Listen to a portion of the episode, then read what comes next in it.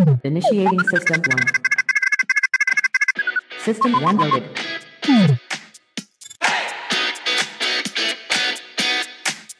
Ben je nou zo dom of is het niet? Waarom stel je dan deze vraag? Ben ik nou degene die zo slim is of ben jij zo dom? Nu ben ik weer de, de, de arrogante klootzak, de autoritaire klootzak. Ja goed, als je het niet begrijpt, sorry. Ho maar, ik heb het goed verwoord. Je mag het opschrijven, je mag nog je commentaar erop geven.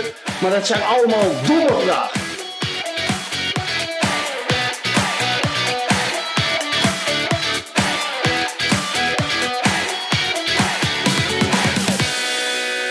Hey, hallo en leuk dat je weer luistert naar een nieuwe aflevering van de Voetbalpodcast. Mijn naam is Jimmy Driessen en ik zit hier natuurlijk weer met Sam Planting. Hoi Jim. Hey Sam. Eh, ja, waar gaan we het deze week over hebben? We gaan het hebben over, eh, over Barcelona voornamelijk. Ja, is nogal wat eh, aan de hand bij de grootste club op, de, op de planeet? Yes, hou je takes nog even vast, Ja? want ik zie alweer branden van verlangen. We gaan het ook nog hebben over Liverpool. Ik bedoel, die zijn kampioen geworden sin- voor het eerst sinds 30 jaar, dus daar moeten we het wel over hebben. Maar we beginnen natuurlijk met het leukste nieuws. Iedereen heeft het natuurlijk al gezien, iedereen heeft het erover gehad. Arjen Robben terug in de eredivisie. Ja, echt bijzonder hè? Wat voor gevoel kreeg je erbij toen je... Dat ik, eh, net zoals jij zit ik natuurlijk, eh, ben ik een jongen van het internet. Nou, ik heb natuurlijk zelf altijd in die voetballerij gewerkt, dus is over het algemeen qua voetbalnieuws weinig... Snap je, er is wel eens, er is wel eens een, eh, een uitslag of zo die mij echt schok, schok, Choqueert. choqueert kort, kortstondig. Hè. Misschien dat, dat je tien minuten moet wennen aan, aan, de, aan het verloop.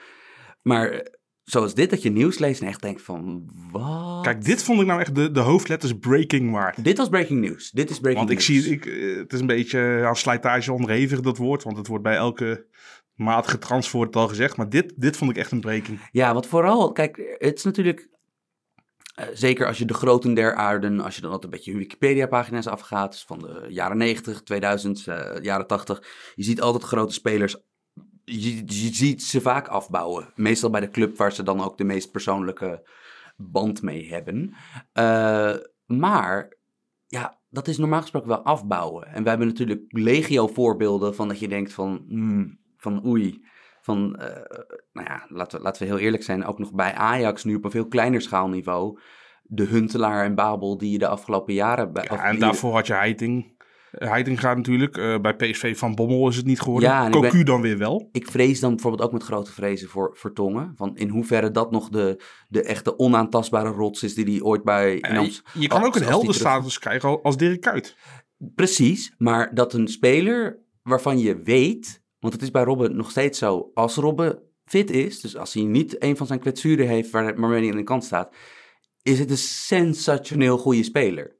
Want het is namelijk niet zo dat uh, Robben heeft nooit zijn plek in de hiërarchie, bij Bayern verloren. Hè? Ja, op 36-jarige stopte leeftijd zelf. was hij gewoon nog steeds gewoon een bepalende speler. Ja, en ook, ik bedoel zelfs, zelfs ik bedoel, daar, kan je, daar kan je echt de statistieken voorbij pakken. Robben is als buitenspeler in die jaren bij Bayern München, maar ook bij Real Madrid en Chelsea. Hij is jaar in, jaar uit, als hij speelt, oorcategorie. Ja, en en het is ook niet zo. En- Kijk, natuurlijk mist hij veel wedstrijden qua blessures. Maar als hij er wel is, is het eigenlijk altijd top. Ja, en ik ben dus heel benieuwd, want Groningen is natuurlijk wel een soort van... Groningen is een slim gerunde club. En ze zijn toch een beetje de Atletico Madrid-route opgegaan. Ik Buis Letico Madrid. Ja, ik denk, dat, ik denk dat ze zichzelf meer identificeren met Leipzig. Maar, eh, ik, ik, Ja, ik- maar dat is hip. Precies. Maar, dat, maar wat Pieter Zwart ooit inderdaad eh coinde als Buis Letico Madrid. Ik vind dat... eh, eh, ik, Volgens mij het was een Michiel interessant... Jongsma trouwens de eerste. Oh dat, oh, dat zou goed kunnen, want dat is natuurlijk een, dat is een, echte, een echte woordkunstenaar qua grapjes. Ehm, ik denk dat Robben een soort van vrije rol gaat krijgen. Want ik denk niet dat ze hem enorm laten stoempen. Dat, dat, dat hij, dus er zal een manier moeten gevonden worden om hem in de aanval gewoon als rechtsbuiten in één op één te laten komen. En ik denk dat hij verdedigend gewoon niet al te veel meer hoeft te gaan doen. Ik denk dat het een verdedigend opzet eh, bij balverlies, dat hij gewoon een soort spits wordt. Ja. En dat hij daarna lekker kan uitwijken. En Ja. dat, hij hoeft niet achter zijn bekkie terug aan te lopen. Want toch? bijvoorbeeld bij Bayern was dat een redelijk actieve presser. Maar het was natuurlijk wel zo, dat was het Maar, enige... maar iedereen preste mee natuurlijk. ja, maar dat was bijvoorbeeld het enige kritiekpunt wat je op Robben en Ribéry het laatst kon hebben. Is dat je wel kon zeggen van nou, van het afsnijden van die, van die paas van de centrale verdediger naar de back. Van dat was wel de laatste jaren bij Bayern München zag je dat wel iets vaker eh, eh, dat ze dat lieten lopen. Mag het? Maar, absoluut. Maar ik ben vooral heel benieuwd naar gewoon de Robben. Gewoon de actie van dat, je, dat hij geïsoleerd tegenover linksback komt te staan. Hij gaat er binnen toe. Iedereen weet wat hij gaat doen. Ja, En toch zullen tien van de tien backs er waarschijnlijk in trappen. maar ik vind het altijd zo grappig dat, dat, dat bij Robben, omdat het is inderdaad altijd het, volgens hetzelfde patroon op het veld verloopt. Ja, maar als je, is altijd als, van, je, als je zo goed bent in hetgene wat je doet, ben je specialist en maakt het niet uit. Als je al weet dat hij gaat komen. Maar bijvoorbeeld, kijk, Robin's signature move is echt heel herkenbaar. Maar elke voetballer heeft een paar acties waar hij altijd op terug zal vallen. Bijvoorbeeld toch ook Messi's versnelling na de versnelling.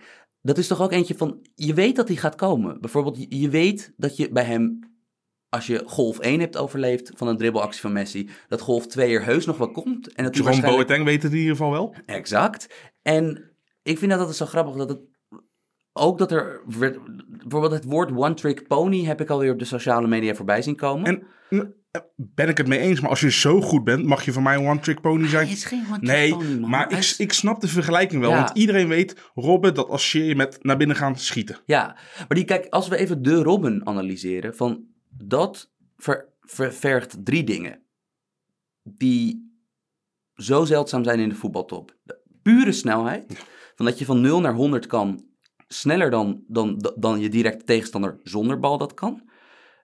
Balbehandeling, nou ja, dat is natuurlijk een logische. En schotkracht of Ja. schotprecisie, hoe je het wil noemen. En dat, dat zijn natuurlijk dat zijn heel erg belangrijke, gewoon echt, echt zwart op wit vaardigheden die Robben gewoon echt als een van de besten in zijn soort heeft beheerst. Dus ik ben gewoon heel benieuwd in hoeverre dat gaat vertalen naar de eredivisie. Want ik heb daar best wel... Ik denk niet dat Robben eh 20 goals, 15 assists gaat leveren. Want ik denk namelijk niet dat FC Groningen het soort voetbal gaat spelen... dat er drie, vier goals per Ja, wedstrijd en vallen. dat niet alleen, kijk, bij, als je bij Bayern München heb, heb je tien goede veldspelers. Dus als je Robben afstopt, heb je Lewandowski nog. Ja, En dat is bij Groningen natuurlijk wel even iets anders. nee, want bijvoorbeeld bij Groningen is vooral... als de tegenstander de bal heeft, zijn ze goed. Maar bij Groningen zijn er nog heus wel op een paar plekken op het veld... dat je denkt van nou, daar zou ook wel een wat handiger voetballer kunnen staan. In elk geval hebben ze op één plek nu de handigste voetballer die we in Nederland hebben. Ja, En die dan wel oud mag zijn. Maar maar nog niet versleten. nee, en het, het, het- ik denk dus bij Robert dus dat... En dit is absoluut geen verse, verse take, geen verse theorie die ik hier, hier, hier voor jou heb. Maar ik denk dat Robbens vele absenties, die altijd dan een paar maanden duurden... dat die hem een soort van hebben geconserveerd. Ja, dat- precies. Ik, ik zat van mezelf op Twitter even wat terug te zetten. En in 2017, nou wil ik mezelf niet op de borst kloppen, ik doe het toch. Had ik hetzelfde gevoel van, de blessures die hij had, zijn ook nooit al echt de, de kruisbandscheuringen geweest, wat dan ook. Het zijn wel de spierblessures geweest die hij steeds weer kon optreden, trainen en daardoor ook weer sterker kwam. ja. Dus En in, als we dan bijvoorbeeld, kijk, eh, de Robben van 2014, die op het WK, waar hij gewoon de beste speler op het wereldkampioenschap was. was, gewoon Ne- de- was Nederland kampioen geworden, was hij wereldvoetballer van het jaar geworden. Oh, Zo- ja, zo gaat dat. Precies. Maar kijk, die zullen we heus niet meer zien. Maar als we zeg maar die paar vaardigheden die hij nog heeft, van dat hij dus van 0 naar, naar 100 kan als een Ferrari. Misschien niet meer 10 keer per wedstrijd, niet meer 15 keer per wedstrijd, maar, wat, wat, maar toch een paar keer.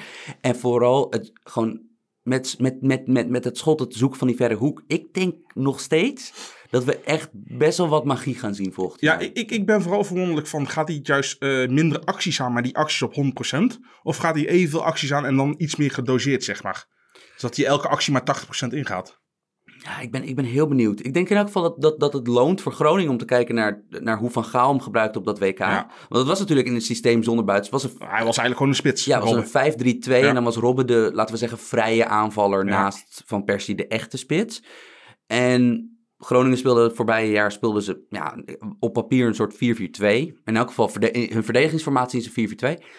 Eh, in balbezit eh, bouwden ze meestal met drie, van, drie in de achterste linie op en één daarvoor en, en met wingbacks. Dus dat zou betekenen dat er, dat er inderdaad wat jij zegt, dat als zij Groningen, als, eh, dat zij hem, denk ik, bij het verdedigen als een soort van spits zullen gebruiken.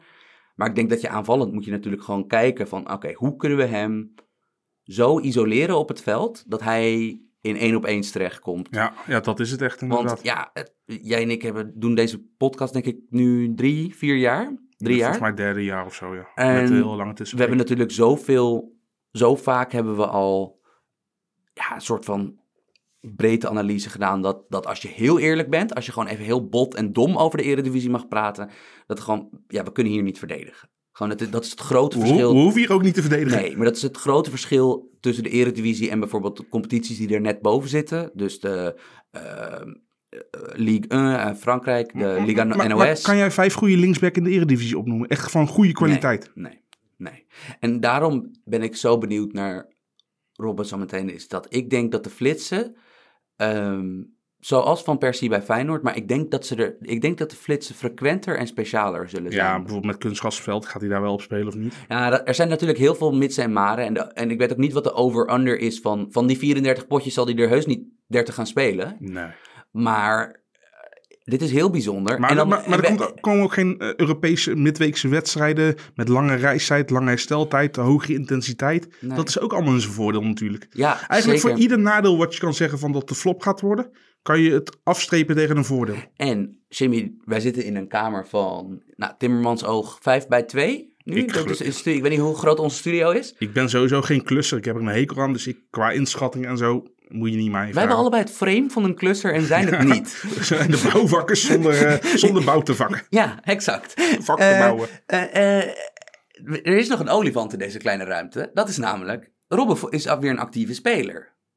En dus is misschien het bruggetje. Ik denk dat je misschien al vermoedt waar ik naartoe wil gaan. Ik heb geen idee, Sam. Nou ja, er is een virus geweest. Corona, COVID-19. Ja. Vijf- het 5G-virus. Ehm, daardoor is het EK... Ga jij, ga jij oranje in... Ga jij Robin in oranje praten? Nou ja, luister. Kijk, Arjen Robben is een topsporter. Hij, was, hij heeft bijna zijn hele carrière behoord tot de tien beste voetballers in de hele wereld. Dat word je niet als je niet een bepaald soort niets onziende competitieve drang, drang ja, hebt. en professionaliteit. Professionaliteit, bewijsdrift. Ik bedoel, Robben is natuurlijk echt, echt een extreme professional. Als je ziet hoe die ook is wel, dat heb ik wel pas echt zo rond de periode 2010 heb ik dat eigenlijk echt een beetje zien veranderen. Bij Komt Bayern, toen hij naar Bayern ja, ging. ja, inderdaad. Van, dat hij echt van, echt van jongetje naar man werd. En verantwoordelijkheidsgevoel kreeg. Zijn hiërarchie steeg natuurlijk eh, binnen Ja. Oranje. Na 2008 al. Ja, het rare is dus, ik heb, ik heb door die, in die, in die COVID-periode, dat, dat alles hier een beetje op lockdown was, heb ik vrij veel stukken moeten schrijven over vroeger. En dan over, weet ik veel, van Redondo tot eh, over Guti of noem het allemaal maar op.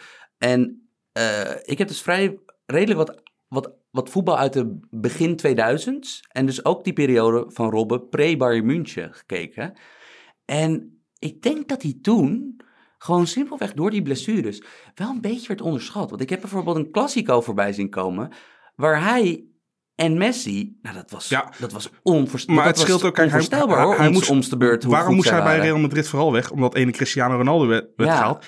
En waar speelde Robben toen op dat moment nog? Was hij nog linksbuiten? Ja, Cristiano Ronaldo van Manchester United was ook een linksbuiten. ja.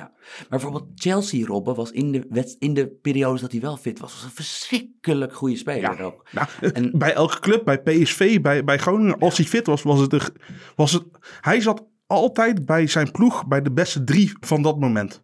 Bij, bij welke club die ook zat. Ja, en dat voor op een positie waar we normaal gesproken, als je heel eerlijk bent, als echte buitenspeler die het ook moet hebben van een versnelling, is je window in de echte top 4, 5 jaar. Ja. Want we gaan het zo meteen hebben over Barcelona. Nou, eh, ik bedoel, eh, nee, we gaan natuurlijk zo meteen voor, voorbeelden voorbij zien komen. We gaan dat de messen alvast slijpen. Ja, maar dat, dat, dat, dat, dat, dat, die, die windows sluiten. Ja. En ik denk dus echt, als je Robben's carrière bekijkt, van hypercompetitief, altijd maximaal mogelijke eruit persen. Altijd Ja. bij een team dat om het kampioenschap in eigen land speelt. Ja, en dus nu, eh, nou, volgend, eh, mits, mits Groningen het nieuwe Leicester wordt, eh, ehm, ik, denk, ik denk dat het... Ik dacht dat Feyenoord het nieuwe Ik Leicester denk was dat het paar jaar fin- geleden. financiële gat met de Ajax en, en PSV iets te groot is, maar oké. Ik denk echt dat de, de, de, de aluhoedje-theorie van, nou, zien wij Robben nog op een EK? Ik, ik, als ik mijn geld moet inzetten, zeg ik ja. Ja, en dan denk ik ook dat Dick Advocaat gewoon nog als assistent meegaat. Gewoon echt het laatste, echt het laatste, het laatste kunstje van de gene- kleine generaal. Ja. Lijkt je dat niet geweldig? Ja, ik, heb, ik vind dit echt... echt je, je stelde de juiste vraag aan het begin van deze podcast. Van wanneer heb je nou, eh, van wanneer heb je nou echt nog met voetbal... toch dat je, dat je denkt, wow, wat een nieuws. Dit, dit is echt nieuws, Ja, nieuws. dit, dit is breaking met hoofdletters, toch? Ja, Ja, wat ook breaking was, mooi bruggetje te houden.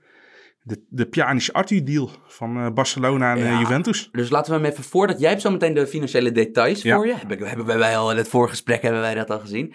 Is heel, heel simpel uitleggen voor degene die niet compleet ingevoerd is in het buitenlandse topvoetbal. Ehm, Barcelona, waar Sergio Busquets de zes is, dat is hij al jaren. Dat is hij al jaren, is hij daar geweldig in.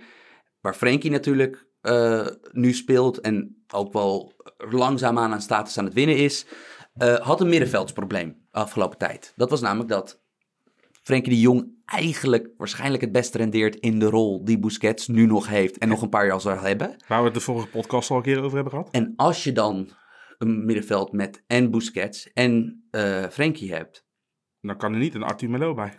Nee. En dat was dus het lullig voor Arthur Mello. Dat Arthur Mello is een vergelijkbare speler met Frenkie de Jong. Van het is een... Het is geen fysiek monster, maar het is wel iemand... Het, hij- wel met, hij heeft atletisch vermogen, maar hij is, hij is natuurlijk... Hij is redelijk vrij gebouwd. Hij, hij kan door middel van goed positie kiezen en in zich kan hij ballen winnen. Ja, en en niet is- door zijn schouders eronder En te het is zetten. natuurlijk in balbezit een hypertechnische middenvelder. Ja, en- gewoon de Braziliaanse Frenkie de Jong. Ja, en bij Barcelona lukt dat maar niet. Dat, dat middenveld is de, de- gewoon de, het recept, gewoon de, de mengelmoes klopt daar niet. Ja. Dus wat doet Barcelona? Barcelona haalt een eh, acht jaar oudere middenvelder die exact op dezelfde positie rendeert als Busquets en Frenkie de Jong. Alleen En, eh, ook duidelijk in een neerwaartse spiraal zit. ja, en uh, Miralem Pjanic. Pjanic is een wonderbaarlijk goede voetballer. Bosnier. Van, daarom is hij misschien nooit de superster geworden die hij was. Want hij is een in Luxemburg geboren Ja, Bosnier. hij heeft nog jeugdinterlands voor Luxemburg gespeeld. Ja, en hij is via Metz is hij ooit bij Lyon terecht geraakt. Hij zat in dat laatste Lyon-team wat echt nog goed was en stunt in de Champions League. Ja. Hij heeft toen ook nog een keer de winnende goal gemaakt in Bernabeu tegen Real Madrid. Hij is toen naar Roma gegaan. Heeft hij een heel goed middenveld gevormd met De Rossi en Ja. Strootman. Ze zijn Ja. bijna kampioen geworden.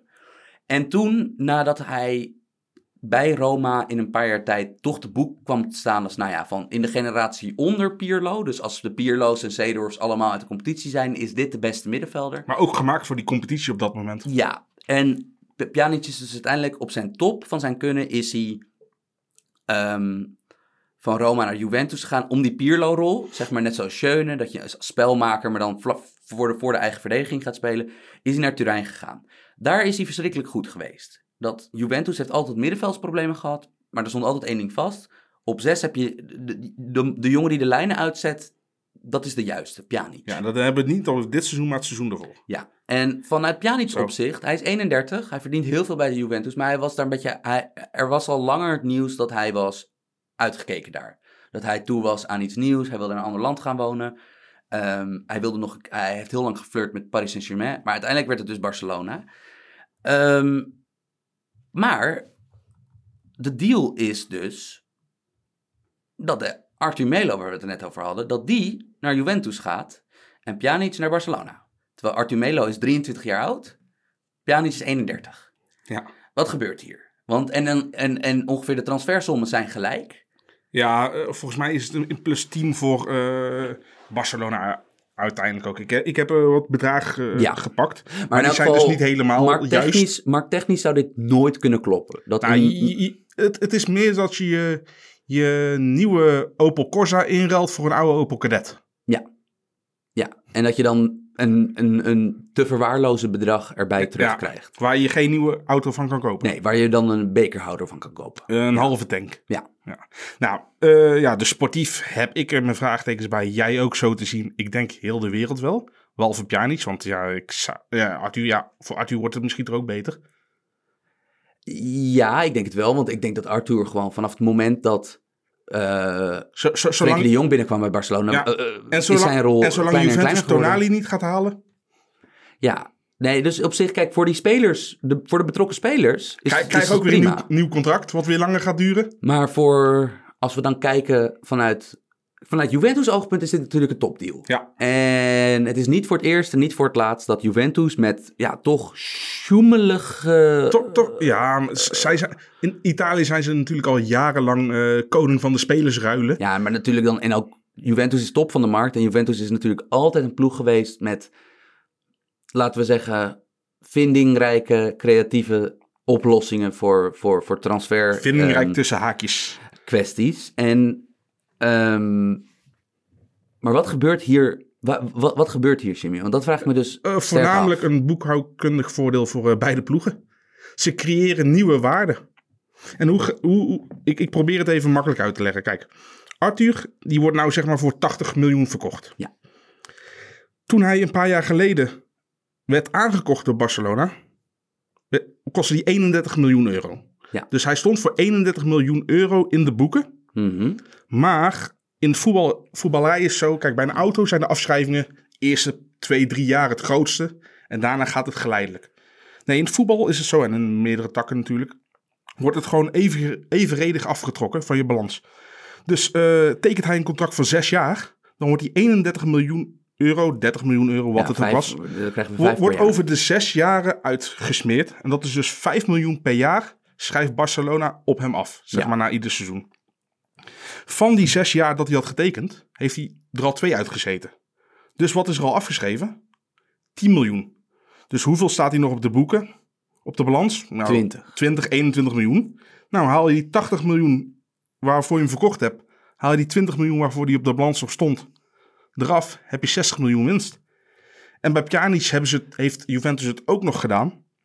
Eh, die heeft nog tussentijds hebben ze zijn contract verlengd. En dan krijg je het volgende sommetje. Nou, Pjanic wordt voor 70 miljoen, zeggen 60 of 70 Ja. miljoen. Laten we 70 miljoen eh, Laten we, aanhouden? laten we trouwens ook even zeggen: dit zijn abs- Ja. absurde eh, inschattingen qua bedragen. Ja. Want dit is natuurlijk compleet fictieve bedragen, zijn dit. Ja, maar het zal niet heel ver van de waarheid vandaan liggen, vrees ik. Nou, in de corona. Ik ben, ik ben benieuwd of er middenvelders. Ik denk, ik denk dat middenvelders van dit niveau. in deze coronazomer. gaan echt Ja, niet voor meer ja, dan 40 miljoen Het, van de het probleem is normaal gesproken, in de voetballerij mag je niet zeg maar een speler zomaar omhoog opwaarderen. Van hij is 30, nee, wij vinden hem 50 miljoen waard. Het is natuurlijk ook maar wat de gekken voor geven. Maar dat is dus nu in deze situatie. is dit gaande. Ja, ja. Nou, hij is verkocht voor 70 miljoen. Bizar natuurlijk. Voor, een, voor een speler die 31 gaat Mhm. Ja. worden of 30 gaat Ja, worden. en die al 11 of 12 jaar in de Europese top speelt. Ja, en zijn laatste twee seizoenen duidelijk minder zijn. Ja.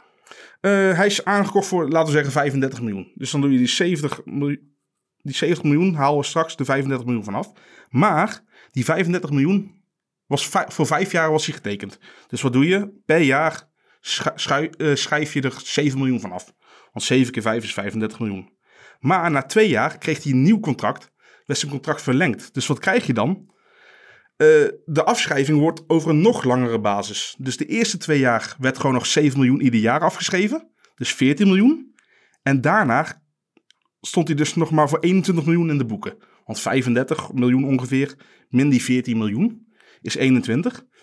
En omdat die contract zeg maar langer ging lopen, hoefden ze niet meer 7 miljoen per jaar af te schrijven, maar 4,2 miljoen. Dus je speler wordt eigenlijk meer waard. Dus uiteindelijk hebben ze hem dus, eh, sinds dat die contractverlenging is in- ingegaan en hij dus per jaar voor 4,2 miljoen op de balans staat, er zijn ook twee jaren van geweest. Dus eigenlijk stond hij nou nog maar van voor 12,5 miljoen ongeveer op de balans. Want die twee keer 14 eh, min, eh, plus die eh 14 miljoen nog. eh, kunnen jullie het nog allemaal bijhouden? Nee, het begint lastig te worden ondertussen. Eh, Oké. En laten we zo zeggen, Pjanic stond voor ongeveer 12,5 miljoen nog op de balans, uitgesmeerd over zijn aantal contractjaren. Ja. Maar ze verkopen hem nu dus voor 70 miljoen. ja. 70 miljoen min 12,5 waarvoor die nog in de boeken stond. Ja, ja, 57,5 57,5 miljoen winst zeggen schrijven. Oké, dat dit is natuurlijk. Als we even heel erg. Als we even in de toekomst kijken. Want dit is natuurlijk wat er nu. Wat voetbalclubs. Dat dit. Maar, maar dit gebeurt al langer. Hè? Nee, Dit- dit gebeurt al lang, maar niet op dit schaalniveau. En normaal deed- deden de Italiaanse clubs dit alleen. Maar je ziet het nou ook bij, bij, ja, bij de grote der aarde als Barcelona. Ja, en het komt er dus op neer. Is dat er dus nu. Die boekhouden. Dat boekhouden is. Dat is dus staat compleet van de realiteit af. Ja, je kan het net zo vergelijken met Neto en Sillissen. Ja, eh, Ja, iets daarvoor. Maar, maar dat, kijk, dat, dat boekhouden staat dus helemaal van de realiteit af. Omdat eigenlijk al het beginstuk. Het vraagstuk van voor hoeveel euro gaat Pjanic van Juventus naar Barça? En dan komt er een prijs, wordt er uit de duim gezogen, die, die kan niet. Want dat is, dat is ruim 40 miljoen Nou ja, boven wat het, hij... het ergste is, het kan wel als je ziet naar de rest van de transfer van Barcelona. Daar, daar gaan we zo meteen op komen. Maar dat. Ik denk dus dat dit vooral. Die boekhoudkundige truc, dit gaan we vaak. Dit gaan we vaker in de top zien Tuurlijk. met de corona en dat het geld. Maar het feit dat Barcelona dit als een tikkende tijdklok moest doen. En dat zij dus, terwijl zij allerlei spelers hebben die ooit aan permanente vervanging toe zijn. En dan Haal ze hebben- iemand die net zo oud is inderdaad. ja, maar dus zij laten een 23-jarige middenvelder die, die, die in tegenstelling tot veel van de andere aankopen niet slecht was. Nee, en, ook, een goede speler. en, en die dus 23 is. ehm, terwijl ze zo meteen hebben ze in de selectie hebben zij Piqué te vervangen. Ja, maar die leveren, Alba. die leveren niks meer op. Dus Nee, Barcelona moest dit ook wel doen. Barcelona, maar dan, daar ben ik naartoe aan het werken. Van dat Barcelona, de grootste club op aarde, gewoon het grootste voetbalmerk op aarde. Ja, groter dan Madrid? Real Madrid? Ik denk, ik denk in de Messi-jaren wel. Ik, ik weet niet, het ligt altijd een beetje aan hoe je de rekensom wil maken. Maar Barcelona is natuurlijk meske een club, meer dan een club. En dat deze club dus nu zichzelf in zo'n hoek van de kamer heeft geverfd, dat zij dus ja, een jonge, veelbelovende middenvelder moeten inruilen voor eenzelfde type middenvelder, maar dan acht jaar ouder. Dat is natuurlijk, terwijl deze selectie dus... Dit is ultiem korte termijn denken op twee vlakken. En- Zowel op het financiële, want ze moeten het redden. Terwijl, en op het sportieve, want we gaan nou nog Messi een, proberen een Champions League run te krijgen. Ja, en, dat En doet- het is boom or bust. En het grappige is dus dat ter, deze hele rare deal gebeurt in een periode waarin Barcelona ook nog eens de titel aan het verspelen is in de competitie. Ja. Ze hebben nu ook een paar keer gelijk gespeeld. Eh, Real Madrid heeft, is onder Zidane gewoon, daar hebben we het laatst over gehad in deze podcast, heel solide ploeg geworden. Ja, moeten va- vandaag ook, eh, we nemen dit op dinsdag op, eh, moeten ze tegen Atletico. Ja, dat Barcelona gaat dus tegen een Atletico Madrid, wat nu eindelijk in vorm is. Wat ik al volgens mij al een hele tijd ja, beloofde. Champions League plaatsing eh, afdingen. Ah, ik blijf erbij. Die Atletico had een titel kunnen pakken dit seizoen. Maar eh, eh, ehm, het lijkt mis te gaan, Barcelona. In elk geval de schande van ehm, eh, ja, het niet redden eh, in de eigen competitie... kan dan alleen nog vergoed worden door de Champions League te winnen. En als we dan even kijken naar andere competities... naar hoe Bayern München eruit ziet... hoe City en Liverpool eruit zien... dan lijkt dat mij Ja, heel sterk... Liverpool ligt natuurlijk al uit. Oh nee, dat zit, hoe zit hij er, eruit- hoe zit hij eruit ziet, dat is waar. Ehm, ik weet niet in hoeverre je ooit een eerlijk antwoord op de vraag kan krijgen: wat is er mis met Barcelona? Maar wat wij zien is dat Lionel Messi steeds meer Zo- richting een leeftijd komt waarop je denkt: het is onmenselijk dat hij zo goed blijft als hij nu is. Ja, maar ik ben nog steeds bang voor dat het ineens over is. Ja. Of in elk geval dat het opeens echt een stuk minder is. Want het is het nooit bij hem. Elke keer als je dat ook maar één seconde denkt, doet hij weer een actie die je, maakt hij een actie die je nog nooit eerder hebt gezien. Ja, het pro- probleem is ook, naarmate Messi ouder wordt, geeft Barcelona hem steeds slechtere spelers om zich heen. Om hem heen. exact. Want daar, daar wil ik dus naartoe. Dat, kijk, Barcelona heeft een kern. Een, een kern die het al heel lang heeft. En die bestaat uit Piqué, zelf opgeleid. Ja. Toen ooit een uitstapje van een jaar gemaakt naar United. Ja, of iets- twee misschien. Iets langer nog wel. Eh, bij Ferguson, maar is toen teruggekomen naar Barcelona. Busquets komt uit de eigen jeugd. Hm. Is in dat jaar dat eh, Guardiola aan het roer kwam doorgebroken. Alba heeft in de jeugd gespeeld. Toen, is toen naar Valencia, Valencia, gegaan. Is voor een relatief laag bedrag gekocht. Ja. Eh, en dan hebben we natuurlijk Messi voorin. En dan heb je ook nog, als je, als je, als je echt ruimhartig wil zijn, kan je zeggen, nou, Sergio Roberto Sergio, komt ja. ook uit eigen maar die vind ik al aantoonbaar eh, van een andere klasse dan, Ja, degene, dan het fun- de fundament wat we net hebben. En dan, als we dan nog even doorkijken op het fundament, ze hebben ooit, volgens mij vier seizoenen geleden, hebben ze Marc-André ter Stegen gehaald. En dat is Ja. natuurlijk een keeper die vanaf het moment dat hij bij Barcelona keept, Ja. Was eerst nog wel reservekeeper achter Claudio Bravo ja, toen. maar dat hij eigenlijk vanaf het moment dat hij de nummer één is, is hij oorcategorie. Van hij is misschien, je hebt misschien nog in de, in het echelon boven hem misschien nog Oblak. Ona- Oblak staan, maar meer Je wilde niet. Onana zeggen? Eh, nee, oh ja, ik, maar- oh, ik bedoelde Oblak. Oblak, ja. Ehm, maar als je dan kijkt, dat je hebt dus een, die ruggengraat die we nu omschrijven, Kijk eens van- naar de leeftijden.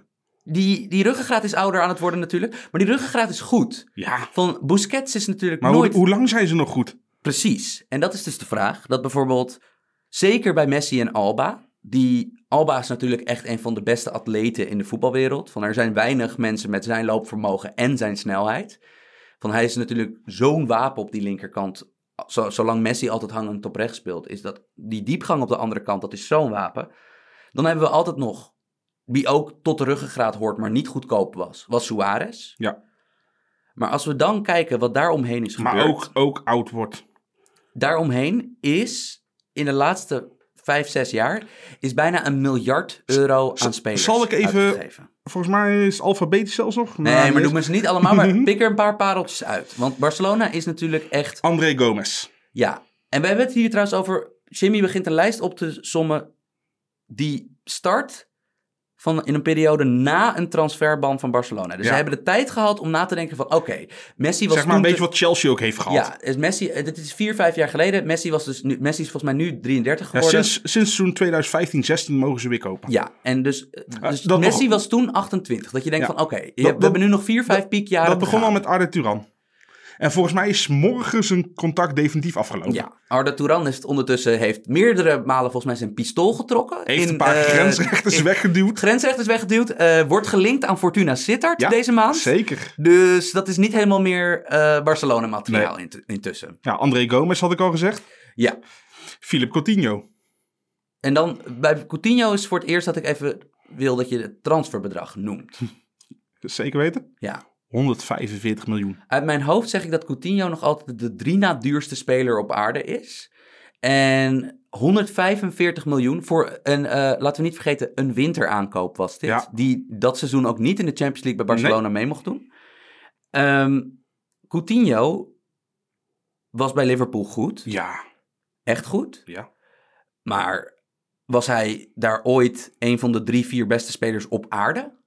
Ja, de verkoop van Coutinho heeft Liverpool alleen maar goed gedaan. Want daardoor konden Firmino, Mane en, en Salah gewoon echt met z'n die drie eenheid vormen. Ja, en dan kon je op dat middenveld altijd van die schaakpionnen neerzetten die allerlei verschillende rollen, niet Precies. alleen spelmaker, maar maar, allerlei maar meer verschillende dienend rollen. ook inderdaad.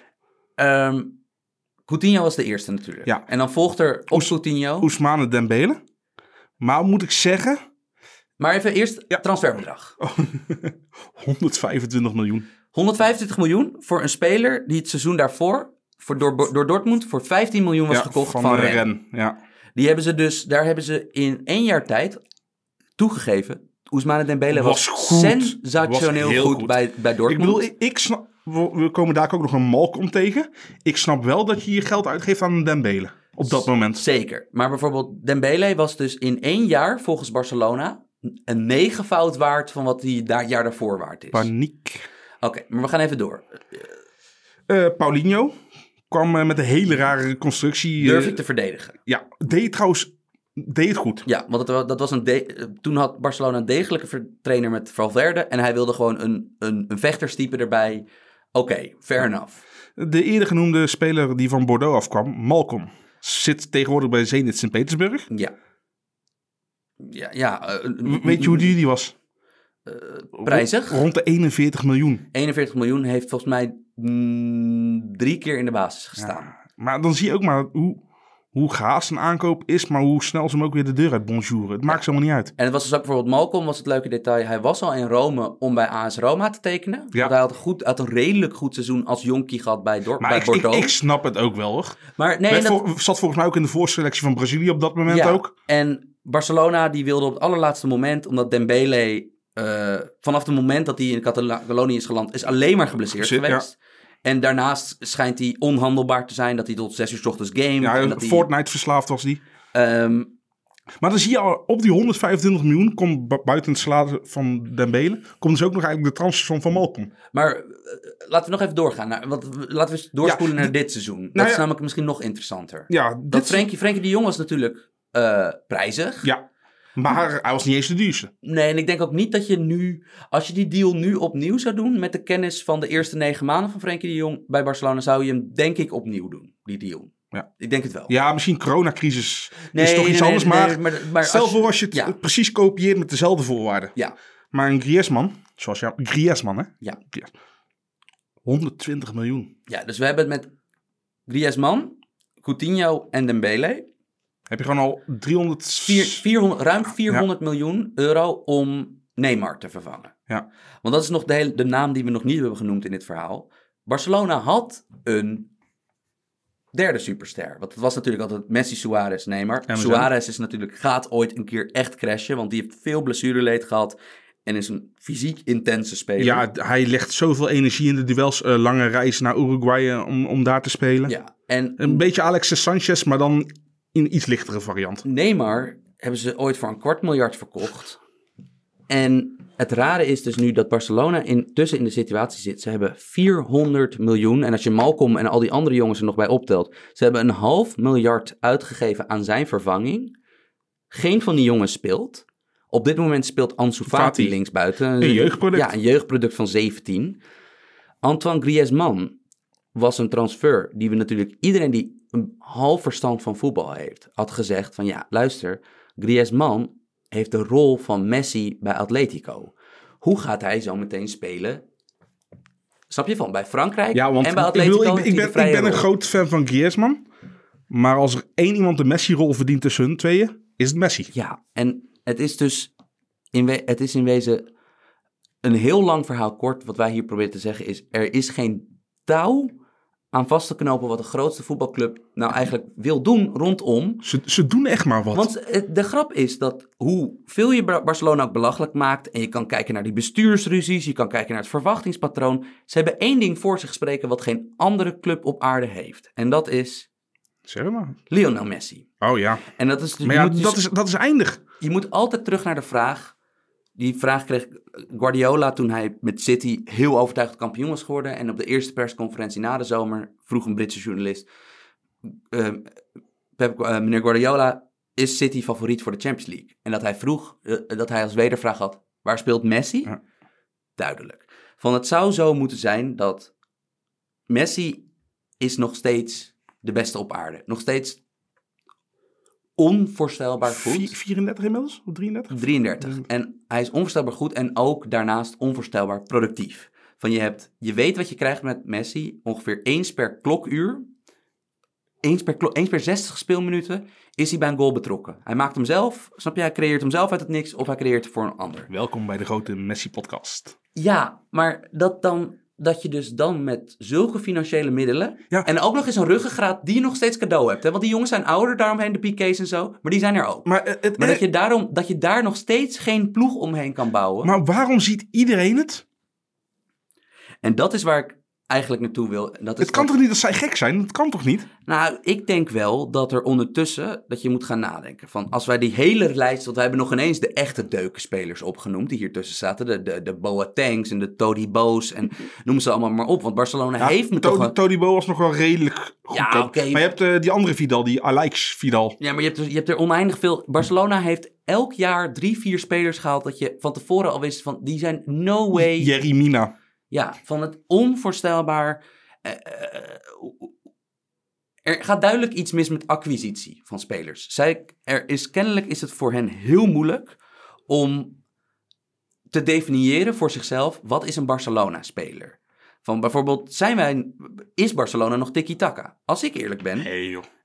ik vind Manchester City veel meer spelen maar- zoals, maar zoals Barcelona van weleer dan bij Barcelona. Sinds dat Xavi en Iniesta toch eigenlijk al weg zijn. Exact. En dan kom je dus elke keer... Je kan elk probleem kan je op een klein schaalniveau verklaren. Dat bijvoorbeeld Messi, of, eh, Xabi en Iniesta gingen weg. Ze stopten met voetbal.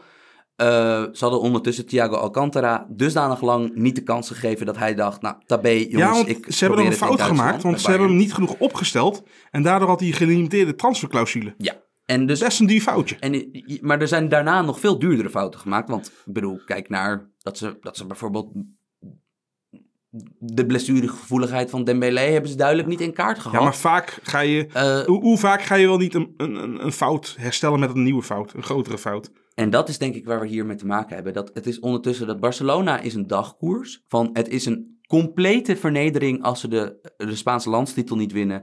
En eigenlijk ook als ze de Champions League niet winnen. Van het is dus echt zeg maar, de stakes zijn... Het is alsof zij poker spelen en dat elke hand die zij spelen all-in is. Ja, maar, maar dat moet ook wel met deze selectie, want hij staat op afbrokkelen.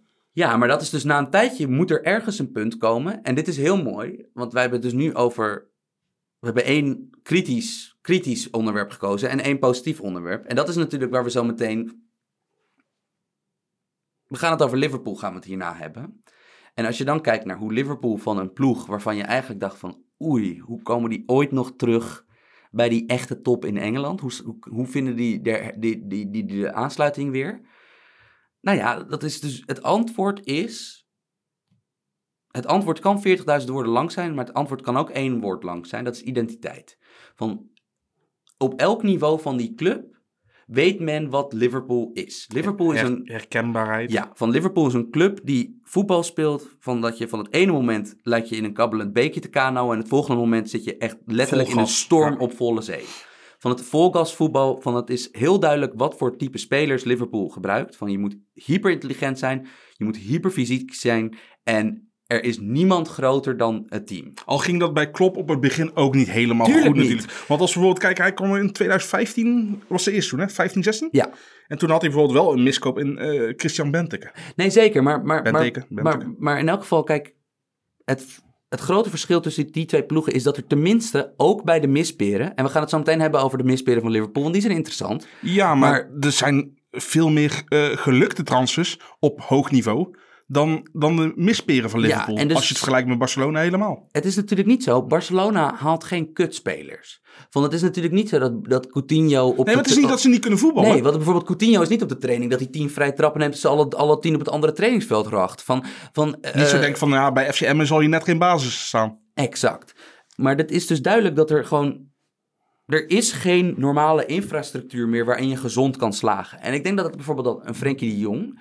Dat dat dan het soort speler is die een soort van zo'n rekbaar talent heeft. Net zoals Ter Stegen, een keeper.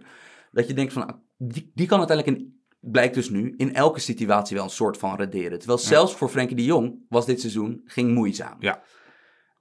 En het is, zo, het is gewoon extreem frustrerend als je van topvoetbal houdt, is dat de club met het waardevolste goed in de hele voetbalwereld, dat is die nummer 10, die kleine nummer 10, dat die gewoon dat, die vertaalslag nooit hebben kunnen maken, dat is natuurlijk echt eeuwig zonde. Sam, ik ga even de knuppel in het ho- hoenderok gooien. Moet Barcelona niet gewoon nog Messi verkopen? Nee, nee, want dat zou dus, dat zou, dan zou je dus, Maar st- stel voor... nee, maar dan, dan krijg je eh, dan- dan- dan- eh, ongeveer wat AC Milan nu in Italië is, krijg je dan. Van de, Ja, maar- maar, maar eens- implosie. Ja, maar, maar die komt er toch ooit? En nu kan je nog wel wat voor hem vangen. En, en ja, ik bedoel, we zeggen de hele tijd wel van ja, hij is nog niet in verval geraakt. Maar het risico is natuurlijk wel dat hij ineens na dit seizoen ineens fysieke ongemakken krijgt, veel geblesseerd Maar is. behalve, kijk, jij, va- jij vaart dit nog analytisch aan. Terwijl, kijk, je kan dit nooit verkopen aan de fans. Van, je kan Nee, natuurlijk... maar je kan het ook niet verkopen. eh, Die andere zeven man die, die Barcelona opstelt, dan kan je het toch ook niet verkopen aan je fans. Maar ja, Nee. dan heb je tenminste nog Messi. Dan heb je nog Messi.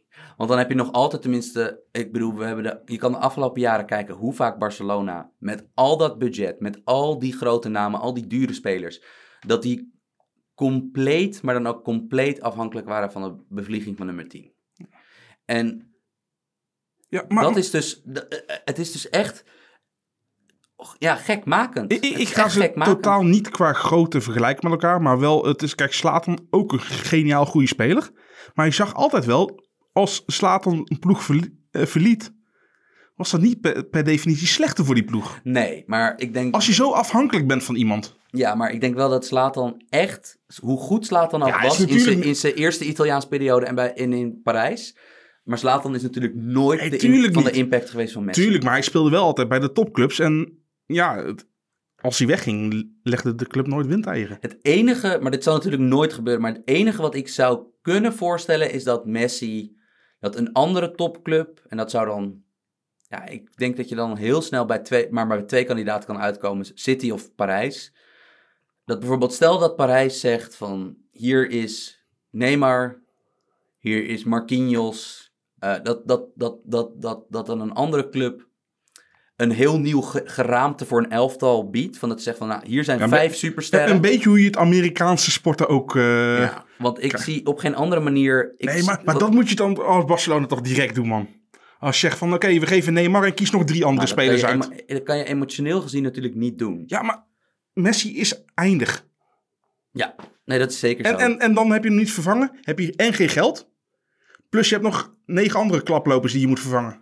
Maar dat is dus het grappige. Dat als we nu even het, het overstapje maken naar wat op dit moment waarschijnlijk de beste club ter Ja. wereld is. Die dan- Genoeg, genoeg over Messi ja, die weer. misschien wel uitgeschakeld is in de Champions League.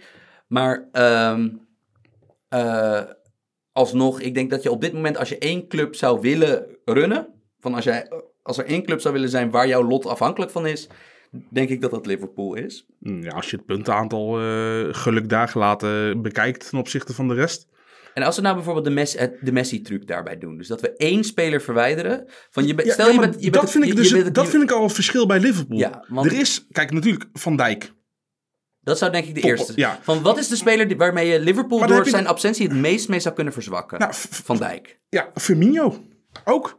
Ja, of Alexander Arnold misschien. Wat trouwens echt, Of Salah misschien. Of Mane misschien. Kijk, daar heb je het al. daar heb je het al. Daar je Het is niet één iemand die ver boven de rest uitstijgt. Nee. Dit zijn gewoon, dit geraamte staat ook gewoon. Ja. En helemaal sinds dat ze de Alisson een goede, betrouwbare keeper hebben. Het is zo interessant geweest om te zien dat Klopp binnenkwam bij Liverpool. Toen was al de data-revolutie bij Liverpool gaande. En men zat, de messen waren in de ouderwetse Engelse voetbalwereld echt al geslepen om Liverpool weer af te maken. Liverpool heeft natuurlijk echt vrij vaak wanbeleid gevoerd. Zitten natuurlijk ook onder Benitez en onder Rodgers. Zaten er periodes bij dat het al de goede kant op ging. Maar Mede- niet, niet dat laatste zetje. Nee, dat bijvoorbeeld ook dat een heel groot deel van Liverpool's successen vielen een tijd lang echt compleet aan te rekenen op het konto van ehm eh, Suarez en Gerrard. Omdat je twee wereldtoppers had die zo veel beter dan de rest van het team waren en zo waardevol waren. Ehm, maar toen Klopp daar binnenkwam, ik heb dit, want dit is dus het mooie dat dit is nou een, een trainer waarbij ik zijn hele carrière actief heb meegemaakt. Bij Mainz, Dortmund en nu bij Liverpool. Bij Dortmund, wat hij daar had neergezet, dat is nog steeds onvoorstelbaar. Dat is denk ik nog altijd knapper dan wat hij hier bij Liverpool doet. Omdat daar, Daar een absolute grootmacht als Bayern München. ja, want waar, voor elke euro zeg die maar, Dortmund... me- metaclub. Ja, voor elke euro die Dortmund heeft, heeft Bayern er vier. En als ze dat zouden willen, heeft Bayern er zeven. Van, het is natuurlijk... En maar, in dat maar, opzicht... maar vergeet niet, volgens mij, het jaar dat Klopp bij Liverpool kwam, was dat ook niet het jaar dat Sterling net verkocht was aan City. Krijg je een beetje hetzelfde natuurlijk. Ja, en de eerste batch spelers. Heb jij die batch voor je? Van, eh, dat was dus, volgens mij kwam Klopp in oktober 2015 binnen. Even En- kijken. Ja, ik, ik, ik weet niet pre- eh, precies welke transfermarkt hij al mee heeft gedaan. Heeft hij de begintransfermarkt nog niet van 15, nee, maar dat 16? kwam in oktober kwam hij. Maar Ja. in elk geval, dat hij, hij, hij had bijvoorbeeld spelers waar je niet s- super veel aan hebt. Dus er- er- Liverpool had vrij veel geld neergelegd voor eh Benteke. Ja, bijna, veel- bijna 50 miljoen.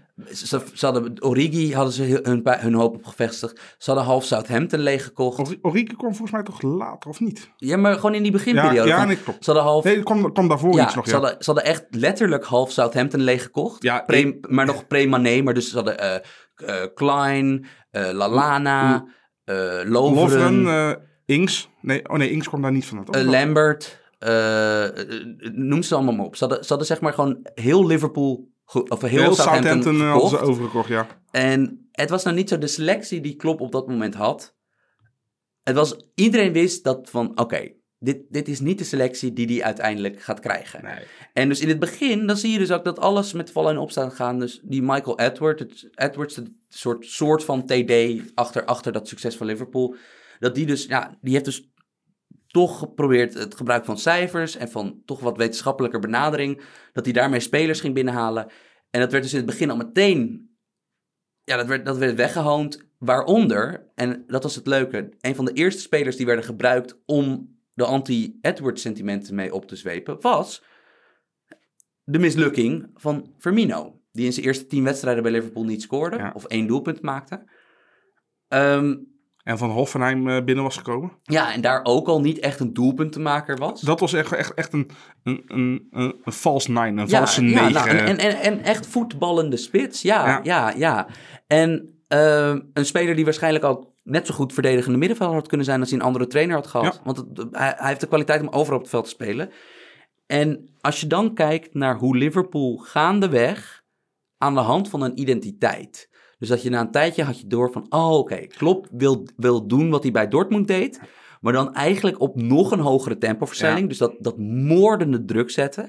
Waardoor vrij veel spelers pijnlijk door de mand vallen. Want dat is gewoon zo. Het is, het is een stijl Ja, die niet voor elke speler Maar is dan kan je ook makkelijk afscheid van ze nemen. Kan je makkelijker afscheid nemen. En als je dan kijkt in hoeverre zij home runs hebben geslagen met spelers. Ja, even een uitstapje. Weet je waar ik nou aan moet denken? Bij wie hetzelfde kan gaan gebeuren? Roger Schmid en PSV. Het zou kunnen. Het zou kunnen dat inderdaad. Het, het is natuurlijk wel zo. Zeker omdat we dus nu van. En in Nederland is het nog eens. In Nederland houden we ook van druk zetten. Maar het is meer dat. Als Roger Schmid erin slaagt in Eindhoven om directer voetbal naar de Eredivisie top te krijgen. En hij kan er een paar door de mand laten vallen. En zijn eigen. Exact. En als je dan kijkt naar de home runs die er langzaam bij Liverpool Ja. kwamen.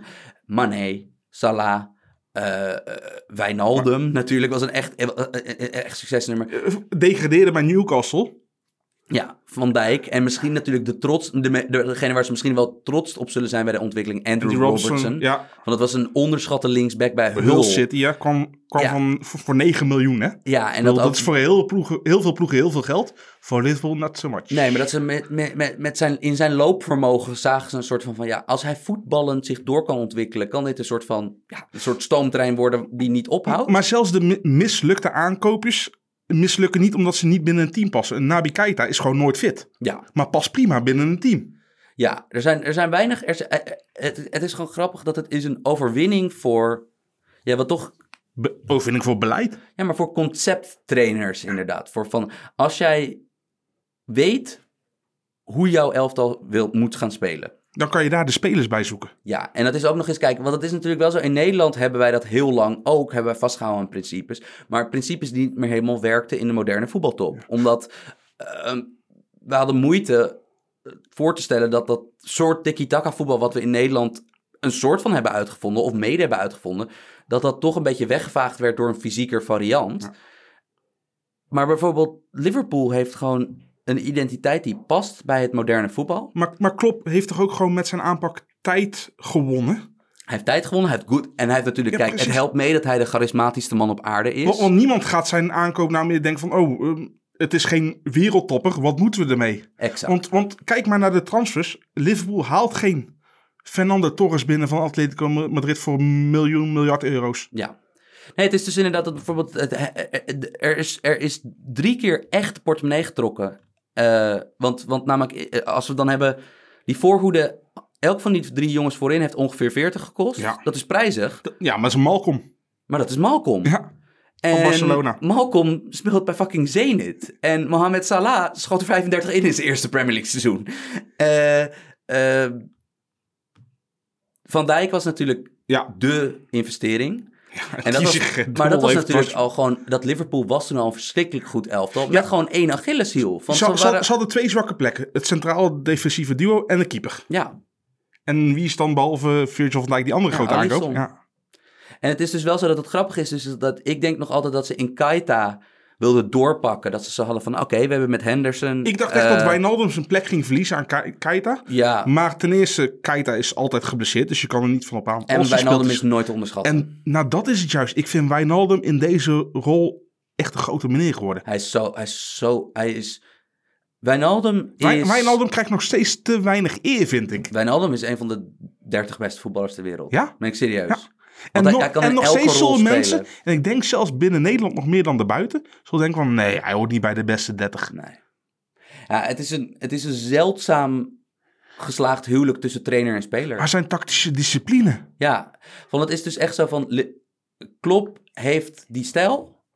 En waar hij aanpast is op het middenveld. Dat die rollen kunnen soms omdraaien. Van dat soms is Wijnaldum meer betrokken bij de opbouw. Hij en Henderson zijn gewoon een soort Zwitser zakmes. Exact. En dat als je kijkt hoe maximaal de talenten van Wijnaldum en zo'n Henderson worden benut, dat is, dan zie je pas hoe waardevol dat, dat het aanschaffen van identiteit zou een club als Barcelona ook een half miljard mogen kosten. Want het zou me bijvoorbeeld eh, niet eens heel erg eh, verbazen als bijvoorbeeld een Wijnaldum of ja, een Henderson bij een andere club het veel minder goed zouden doen. Zeker, zeker. Eh, Ik wil niet zeggen dat het systeemspelers zijn, maar Klopp benut ze wel echt precies op de manier Ja. dat ze perfect zijn. Want bijvoorbeeld de enige twee spelers bij Liverpool... Nee, oké, Alisson kan je natuurlijk niet meetellen als keeper. Maar de enige twee spelers bij Liverpool waarvan ik zeker weet dat ze hetzelfde wereldniveau hebben... ehm, bij een andere topclub dan bij Liverpool... Virgil van Dijk, Sa- Sadio Mane. Ja. Dat, zijn de, dat zijn de twee waarvan ik denk van, dat zijn, Trent misschien ook nog. denk het. Maar bijvoorbeeld Alexander Arnold is de spelmaker van dit team Ja. als rechtsback. Dat betekent dus al dat hij bij een andere club eenzel, dat dezelfde soort rol voor hem ontworpen zou moeten worden dat dat kan. Ja. En dat is dus het leuke, dat er is dus bij elk van die supersterren bij Liverpool, en Wijnaldum en eh, Arnold en Firmino zijn er de beste voorbeelden van, van zij zijn zo gegroeid Zij in maken één super, rol. Liverpool maakt Ze supersterren. maken supersterren.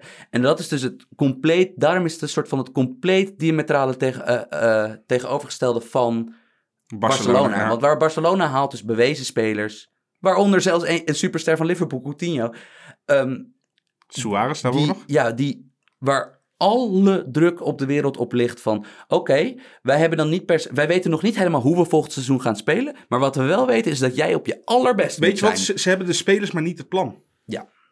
En, Liverpool heeft het plan en koopt daar de spelers bij. Ja, en dat is dus wel grappig dat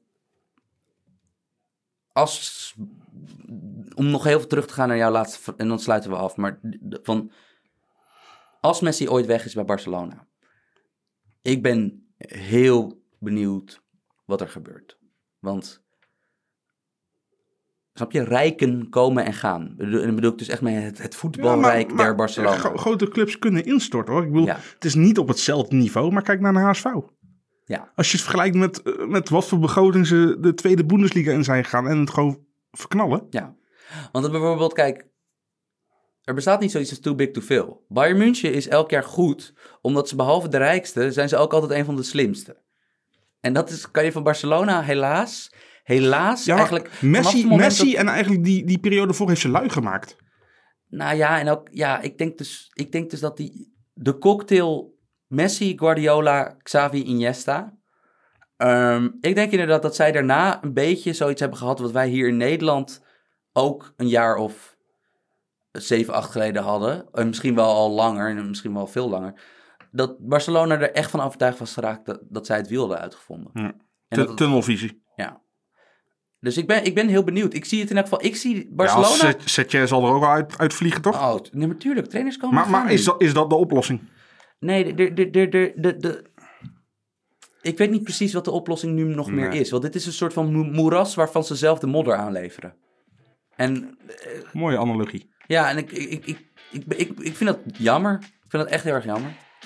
Van dat, dat, dat, en het, en eh, het cru, dat is dus het enige nadeel aan Messi's carrière. Is dat hij zowel bij club als bij zijn landenteam...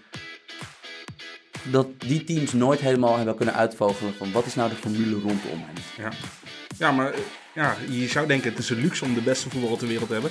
Maar het is onder andere lode last. En daarmee Sluiten we de voetbalpodcast af sluiten we af. voor deze week.